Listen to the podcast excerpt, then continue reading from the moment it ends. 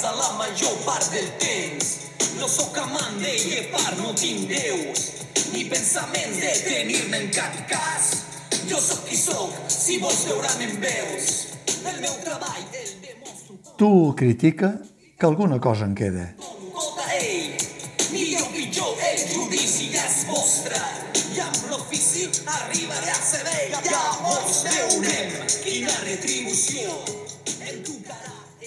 Una de les polèmiques d'aquest inici de temporada ha estat el pim-pam-pum entre la productora teatral Nostromo Live i el col·lectiu de la crítica teatral catalana arran de l'estrena del musical The Producers, de Mel Brooks, codirigit escènicament per Àngel Llàcer i Enric Cambrai, musicalment per Manu Guix i Gerard Alonso i coreogràficament per Miriam Benedaitet. És un equip que ja ve d'altres produccions musicals anteriors d'èxit reconegut com La jaula de les locas o Cantando bajo la lluvia. Espectacles de factura catalana 100% que s'han creat i muntat en versió espanyola semblava, fins ara, que pensant en una posterior gira fora de Catalunya. La primera polèmica sobre The Producers ja va saltar abans que s'estrenés amb unes declaracions del director i actor Àngel Llàcer al·legant que s'havien de fer produccions en espanyol perquè així es recaptava més públic a Catalunya.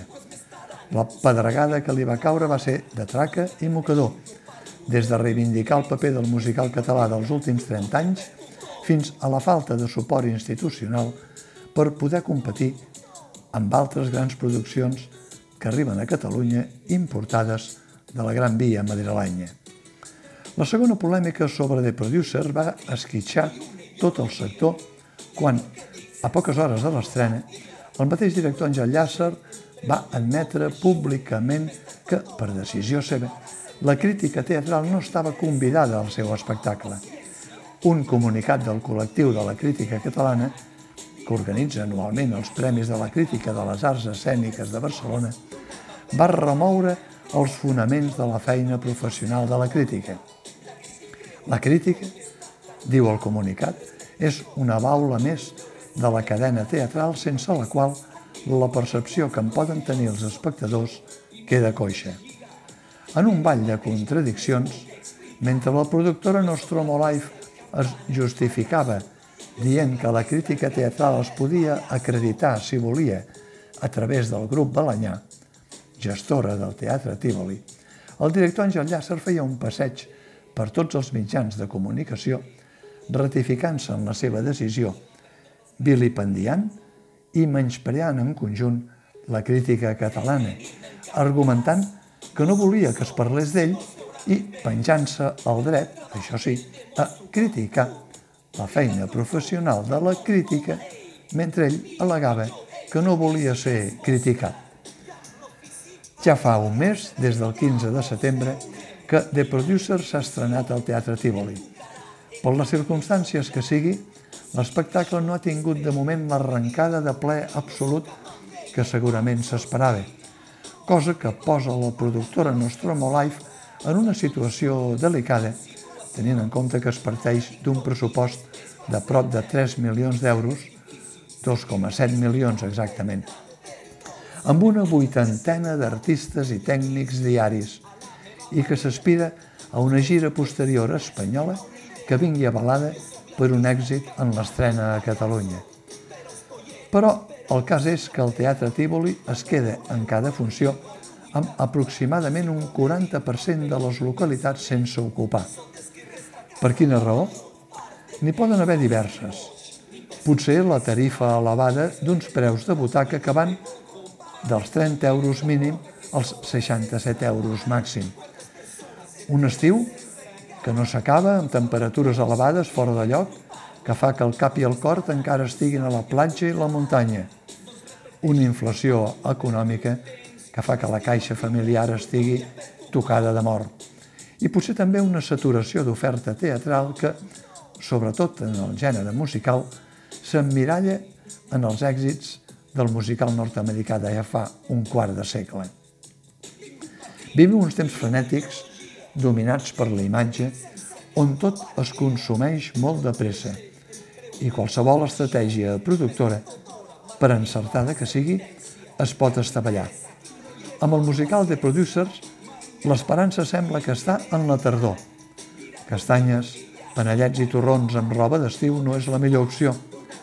Espectacles de gran format amb aires de platja, tampoc. El que sí que és evident que l'opció de crear un espectacle musical a Catalunya en espanyol perquè recapta més públic, segons el seu director, és una fal·làcia. Els números d'ocupació, de moment, ho constaten. I tampoc ho és que la crítica teatral, tant si en parla bé com si en parla malament, porti o tregui espectadors als espectacles. Sobretot perquè The Producers, en aquest cas, no ha tingut les crítiques habituals d'estrena a causa de la polèmica fomentada, revisada i augmentada pel seu director una setmana rere l'altra. Arran d'una situació tan insòlita en el sector teatral, només una cosa torna a fer-se evident. Tu critica, que alguna cosa en queda. Quants parlen d'ells, dient que de tu Doncs repeteixo, jo parlo del meu temps, estimo el viure d'un ja per tothom.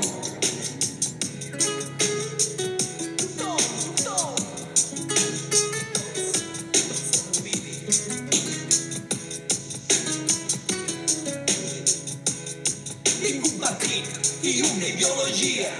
Dic el que dic sense cap covardia. Però també sé el preu de tot això.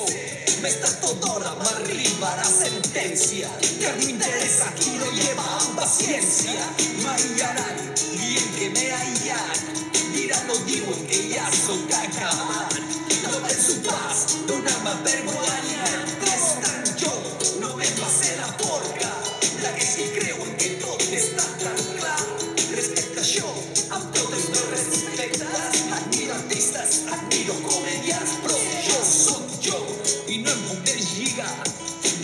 Mateix poc més puc explicar.